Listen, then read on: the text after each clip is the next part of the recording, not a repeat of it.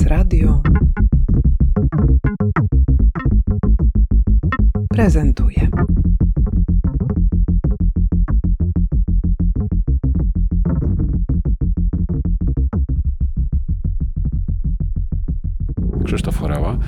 Jestem z zawodu zarządzającym firmą, a z hobby i z pasji malarzem. Tworzę obrazy. W zeszłym tygodniu otwarłem wystawę indywidualną w Krakowie w Galerii Kotłownia. Jest Pan odnoszącym sukcesy zawodowe, biznesmenem, prowadzącym dużą i znaną bardzo firmę, a jednocześnie w Pańskim biogramie znalazłam informację, że maluje Pan od 17 roku życia. Zawsze miałem jakieś inklinacje do działań artystycznych.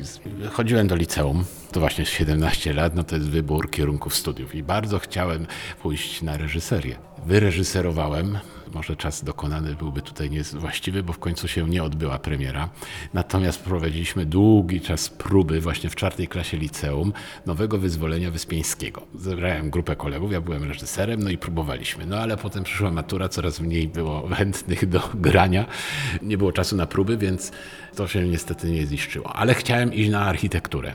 I chodziłem na lekcje rysunku i, no, i rysowałem, malowałem. No. I tutaj tym takim rozstrzygającym elementem okazał się dyrektor liceum. Matematyk odradził w ogóle staranie się na architekturę, bo szkole zależało na y, dużej ilości tych uczniów, którzy się dostali na studia, bo to był jakiś wskaźnik, jak szkoła jest dobra. I on mówi, na Politechnikę wiedział, że jak ktoś idzie, to tam 100% się dostaje, bo fizyka i matematyka była na bardzo wysokim poziomie i rzeczywiście ta zdawalność była dobra. No jakbym poszedł na architekturę, to mógłbym się nie dostać i mógłbym popsuć im statystykę. I mnie tak namawiał. Faktem jest, że też to się spotykało z jakimś takim wewnętrznym przekonaniem, że jednak taki zawód, taki porządny, to też jest coś dobrego. Miałem historię mojego ojca, który Miał własny zespół w, czasach studenckich, dużo koncertował i mam takie fotografie, gdzie jest na jednej fotografii komeda z, ze składem, a na drugim ojciec gra z tym samym składem, z tymi samymi muzykami. To, to były te czasy. Zresztą komeda też skończył studia artystyczne, a potem dopiero jak mu ten talent się ujawnił i zaczął odnosić sukcesy, no to wówczas całkowicie zrezygnował z etatu jakichkolwiek i tylko został na swojej pasji tworzenia. A ojciec tak samo poszedł na Politechnikę, mimo tego, że, że grał i tak dalej, no ale później właśnie przez to, że ta praca wciągnęła, to przestał grać. Połączenie tych dwóch światów właśnie jest tutaj interesujące, no ale od sztuki teatralnej do malarstwa, jakie jest połączenie między tymi dwoma, dwoma obszarami? To jest chęć tworzenia i ta chęć tworzenia, żeby coś zostawić po sobie, swoje wyobrażenia, przenieść swoje uczucia, przenieść swoje myśli, to jest to, co jest wspólne w tych moich działaniach i, i do dzisiejszego dnia to właśnie jest. To, że wybrałem studia, które zapewniały możliwości zawodowe, to mogę powiedzieć, że tak naprawdę drugą rzeczą, o której marzyłem, też nie było to, żeby zostać inżynierem jakimś tam, tylko raczej marzyłem, żeby zostać szefem, żeby zarządzać. I to mi się zawsze podobało, i, ale w tamtych czasach to nie, w ogóle no, nawet o ekonomicznej uczelni nie myślałem, bo to wyobrażałem sobie, że to ekonomia polityczna, że to tylko tam można było zostać dyrektorem państwowego przedsiębiorstwa, które mnie absolutnie nie interesowało. I w związku z tym jak tylko się w 1986 roku, to jest jeszcze przed przemianami, pokazało się ogłoszenie, że jest nabór na Poznańską Szkołę Menedżerów. To była szkoła, którą założył taki pan Kornowski. I to była taka pierwsza szkoła biznesu w Polsce. Pracowałem w, w jakimś tam firmie i musiałem wziąć urlop bezpłatny na rok, żeby studiować to było takie pierwsze MBA, a on ściągnął samych najlepszych profesorów, dla których to było też niesamowite, zyskowne, że mogli przyjechać do Poznania i dostawali za to lepsze pieniądze niż na swoich uczelniach. Mnóstwo ciekawych ludzi i mieliśmy super zajęcia. No i tam przez rok skończyłem dostałem dyplom, a później jeszcze y, już zaczęły być te pierwsze przemiany. Rząd brytyjski miał taki fundusz Know-how Fund, postanowił pomóc polskim menedżerom i przez to, że byłem w tej szkole, no to zostałem jakby tak przedstawiony, czy chcę jechać, no to skorzystałem z tego. Pojechaliśmy do Anglii, tam spędziłem trzy miesiące. Mieliśmy wpierw miesięczny kurs e, w British Institute of Management w Corby, a później mieliśmy każdy swój miał e, placement, gdzie ja akurat trafiłem do Coventry I, no i tam studiowałem biznes. Cały czas czekam na to połączenie ze sztuką. Pomyślałam sobie, że w tym Coventry na pewno było jakieś muzeum. Albo na przykład spotkałem na mojej drodze osobę, która zmieniła moje postrzeganie tego, czym jest sztuka, czym jest malarstwo. Był taki moment? Nie. Ja tą sztuką, jak wspomniałem, interesowałem się od początku. Jak chciałem iść na architekturę i rysowałem, no to wiadomo, że się interesowałem. I gdziekolwiek nie pojadę, całe swoje życie odwiedzałem zawsze wszystkie galerie, muzea, bo się bardzo tym interesowałem i to czułem. Nie mam formalnego wykształcenia artystycznego, natomiast ja, wydaje mi się, że przeszedłem tą edukację sam. I są y, dzieła, na które ja tak patrzę, no, no, nie widzę w nich nic, czego sam bym nie wymyślił albo nie zrobił. A są takie, których może człowiek naprawdę być oszołomiony, że, że wiem, zdaję sobie sprawę, że takich rzeczy tak cudownych to jest, nie jestem w stanie. I człowiek ma tą przyjemność w patrzeniu, więc dlatego ja zawsze korzystałem z takich okazji, a życie zawodowe całe szczęście dawało mi możliwości odwiedzania wielu różnych krajów, różnych miast i różnych galerii.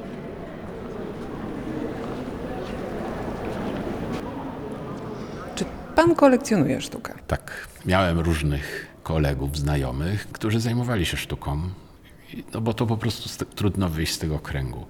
I również e, niestety nieżyjący Mariusz Rosiak miał swoją galerię w Poznaniu i ja kupowałem e, często od niego czy przez niego dużo sztuki. W 2002 roku na dziesięciolecie firmy zrobiłem dużą wystawę e, w Zamku Poznańskim i właśnie były dzieła, które zostały przeze mnie zakupione w, na przestrzeni tych 10 pierwszych lat działalności firmy. I to są rzeczy, które są do dzisiejszego dnia i na przykład e, Modelewskiego i- mamy i, i w kilku lokalizacjach jego obrazy, no, no wiele różnych. Czego pan szuka, tworząc kolekcję? Dla mnie, e, jak nawet nie tylko jak kupuję, ale jak gdzieś idę, to zawsze preferuję sztukę współczesną, bo to po prostu może czymś zaskoczyć. Oczywiście nie omijam też i galerii sztuki dawnej, bo, bo są e, prace wielkich mistrzów, które warto zobaczyć, żeby sobie e, porównać albo się dać zaskoczyć i są świetne wystawy. Natomiast sztuka współczesna to jest właśnie to, co mnie najbardziej interesuje. Dla mnie tym, czym sztuka, czym sztuka przedstawia największą wartość, to jest właśnie to, że ona ma wywoływać pewne uczucia, pewne myśli, pewną formę zastanowienia się nad, nad wszystkim w zasadzie, bo i nad sobą, nad światem, nad wszystkim gdzieś patrzymy od obraz, tak, tak bym chciał, żeby tak inni też czuli, ale ja tak czuję, że po prostu no, zaczyna człowiek myśleć, odczuwać i, i to wszystko się miesza i, i to jest to bogactwo, które daje nam sztuka, a bez tego byśmy tych odczuć nie mieli. Więc y, dla, no, no, to jest dla mnie najważniejsze i dlatego też moje obrazy, jeżeli ja maluję, to chciałbym właśnie, żeby e, to wrażenie, zrobić takie wrażenie, żeby ktoś zatrzymał się, popatrzył, żeby go to zaciekawiło, zaczął myśleć, zaczął coś odczuwać, żeby mu to pasowało, e, żeby się z tym dobrze czuł. I emocja i intelekt, jedno i drugie jest ważne.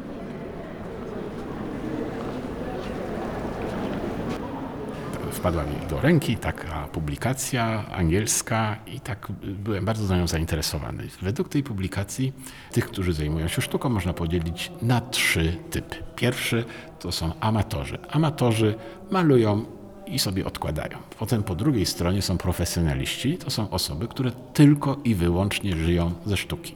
I są półprofesjonaliści, którzy nie żyją z sztuki, ale sprzedają Ja taki jestem, y, taki bardziej pół, ale bardziej półamator niż, niż półprofesjonalista. To znaczy istnienie, sam akt zakupu dzieła przez kogokolwiek uważam, że jest największą formą uznania artysty, bo każdy może powiedzieć, jak, jak mi się to podoba i tego typu miłe słowa.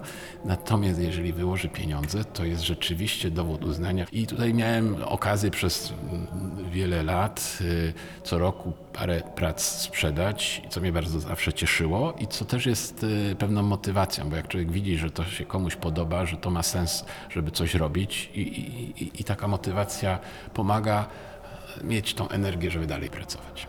Porozmawiajmy o tych cyklach, które można obejrzeć na wystawie w Krakowie. Proszę o nich opowiedzieć.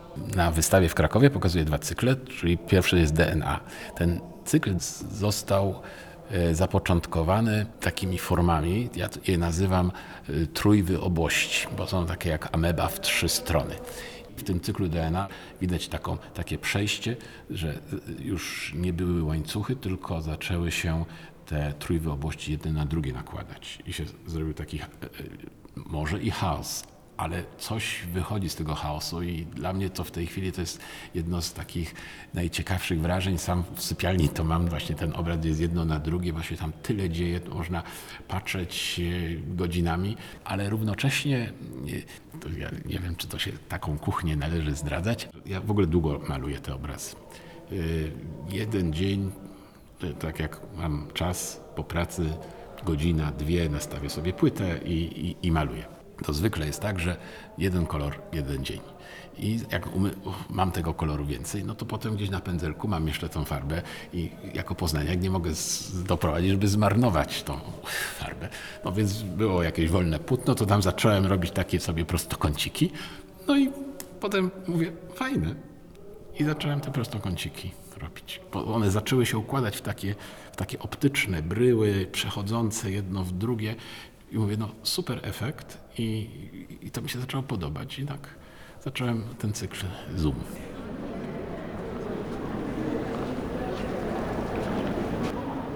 E, To jest ten pierwszy obraz, który tak troszeczkę przypadkowo namalowałem.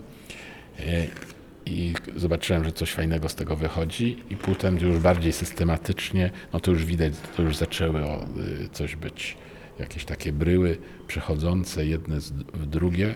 Tu już jeszcze bardziej skomplikowane. Potem jest następne są, ale przed wydaniem katalogu jest jeszcze jeden obraz na wystawie, którego tutaj w katalogu nie ma, bo katalog robiłem już w grudniu.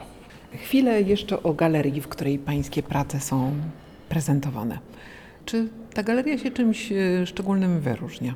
Wystawa ten w sposób powstała, że poznałem na plenerze panią profesor z ASP z- w Krakowie i zaproponowała mi, że ponieważ ma bardzo dobrą współpracę z galerią Kotłownia, bo to jest naprawdę rzeczywiście od ASP w Krakowie, z Placu Matejki idzie ulica Warszawska i jest zaraz tereny Politechniki Krakowskiej, na których właśnie jest ta galeria. To była stara kotłownia, którą przerobiono na salę konferencyjną i na górze jest normalna sala konferencyjna, a na dole jest taka przestrzeń i, i tam się odbywają non-stop jakieś wystawy.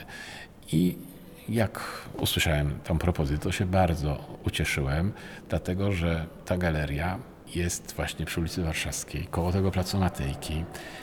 I ja tam dwa lata żyłem, bo ja się urodziłem w Krakowie i tam również mieszkałem, bo moja babcia mieszkała na Filipa i przez pierwsze dwa lata życia mieszkałem. Więc ja mam bardzo duży sentyment do Krakowa. I jak usłyszałem właśnie, że mogę mieć wystawę w Krakowie i tak blisko miejsca, w którym żyłem kiedyś, no, byłem zachwycony i, i właśnie to też już bardzo dziękowałem pani profesor, że, że chciała, że, że mi umożliwiła to. No i, i w ten sposób było.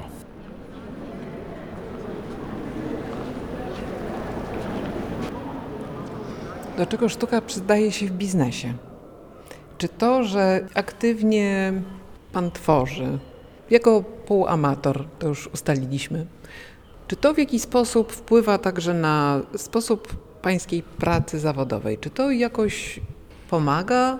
Y, To znaczy tak, jeżeli chodzi o pomoc, to jak najbardziej uważam, że tak. Pierwsze to mi daje odpoczynek, bo to jest oderwanie się od tego świata zawodowego, zupełnie inne myśli. Jest to no, odpoczynek. A z drugiej strony, ponieważ e, tutaj no, cały czas człowiek myśli zupełnie na inne tematy, ale to, że się myśli na inne tematy, to daje to, że e, wydaje mi się, że ta kreatywność jest e, większa, że cały że mózg nie odpoczywa, nie, nie, nie, nie staje, tylko po prostu cały czas myśli. Wydaje mi się, że dużo pomysłów na to. No, ja zajmuję się praktycznie sprzedażą. W sprzedaży jedną z ważniejszych rzeczy jest oczywiście marketing. I różne pomysły marketingowe, co można zrobić, co, jak e, coś wymyślić, jakieś fajne pomysły, żeby zwiększyć efektywność firmy. Takie pomysły na świeżo, przeniesione z czegoś innego, nagle się okazuje, że są e, bardzo, bardzo dobre. I dlatego uważam, że to jest, jest e, złączone ze sobą, jedno na drugie wpływa i pomaga. A czy pańskie zainteresowania przekładają się jakoś na aktywności, które firma proponuje pracownikom i pracowniczkom? E, Od początku kupowałem e, dobrą sztukę i, i moje obrazy w większości mm, wiszą właśnie w budynkach naszej firmy.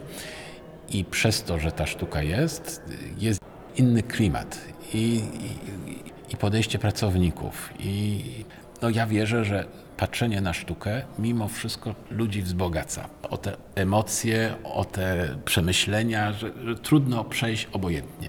Chociaż muszę powiedzieć, że różni goście do mnie przychodzą i jedni w ogóle nie zwracają uwagi na to, co wisi, a inni przejdą i, i powiedzą, o to mi się podoba, albo tutaj zauważyłem u Pana to i to i tak dalej. Także widzę, że jest jakiś efekt. Ja się bardzo też cieszę, że jeżeli wśród moich pracowników wywołam jakieś też dążenie do, do, do takich działań kreatywnych. I na przykład koleżanka z Warszawy poszła na studia y, na uni- uniwersytet y, podyplomowe Szkoły Mistrzów Pisania w Warszawie. No też ostatnio spotkałem pracownika, który wydał ostatnio tomik wierszy. Pracuje w magazynie, a piękne wiersze. Także uważam, że mnóstwo ludzi robi mnóstwo fajnych rzeczy i, i dobrze, bo to daje taką satysfakcję z życia, że coś się robi i coś z tego zostanie. Czy to napisane, czy namalowane, y, to po nas zostaje. I dlatego warto to robić. Bardzo panu dziękuję za rozmowę. Dziękuję bardzo również.